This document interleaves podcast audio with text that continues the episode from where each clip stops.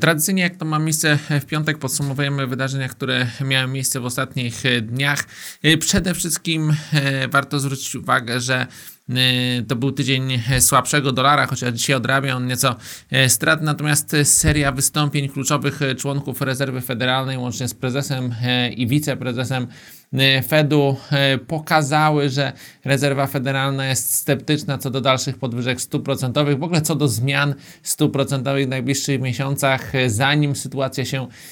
nie wyklaruje, zanim nie zobaczymy dalszych danych makroekonomicznych, które potwierdzą dobrą kondycję amerykańskiej gospodarki, zanim najprawdopodobniej, choć to oczywiście nie zostało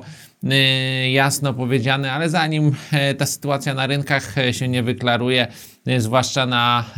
na akcjach, przy tak silnej zmienności, przy, przy tym, co widzieliśmy w grudniu, przy tak mocnych spadkach, rynek oczekuje znacznego pogorszenia się sytuacji gospodarczej, dopóki ten spadek, ta, ta zmiana oczekiwań nie ulegnie przynajmniej ustabilizowaniu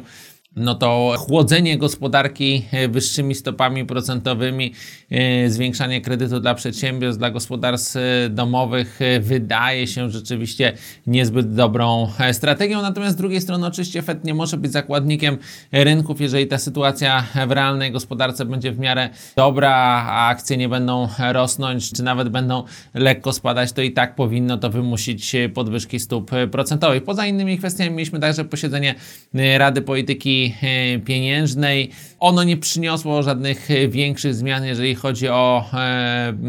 o przyszłe stopy procentowe. W Polsce cały czas ten scenariusz bazowy jest utrzymanie stóp procentowych na niezmienionym poziomie przynajmniej do końca 2019 roku, również prawdopodobnie przez rok 2020, a być może również przez kolejne lata, jeżeli inflacja nie będzie e, wychodzić powyżej 2,5% e, celu lub jeżeli będzie wychodzić, ale będzie to spowodowane czynnikami jednorazowymi i takimi, na które Rada e, nie ma wpływu. Także bardziej, czy lepiej obserwować inflację bazową, tą z wyłączeniem paliw i żywności, ona jest cały czas bardzo, bardzo umiarkowana, wyraźnie poniżej 1% i to właściwie jest wystarczający argument do tego, żeby utrzymać stopy procentowe na niezmienionym poziomie. Także tydzień negatywny dla dolara, natomiast wydaje się, że rynek znaczną część tych negatywnych informacji już wkalkulował. Tydzień także pozytywny, jeżeli chodzi o wydarzenia w Chinach to porozumienie, e, porozumienie może za dużo powiedziane, ten e, etap negocjacji, pierwszy etap negocjacji zakończył się pozytywnie, drugi będzie w Stanach Zjednoczonych, w Waszyngtonie e, pod koniec miesiąca na wyższym szczeblu. Niewykluczone, że tutaj już jakieś bardziej formalne decyzje odnośnie przyszłych relacji handlowych zapadną. Natomiast to są raczej negatywne niż pozytywne informacje dla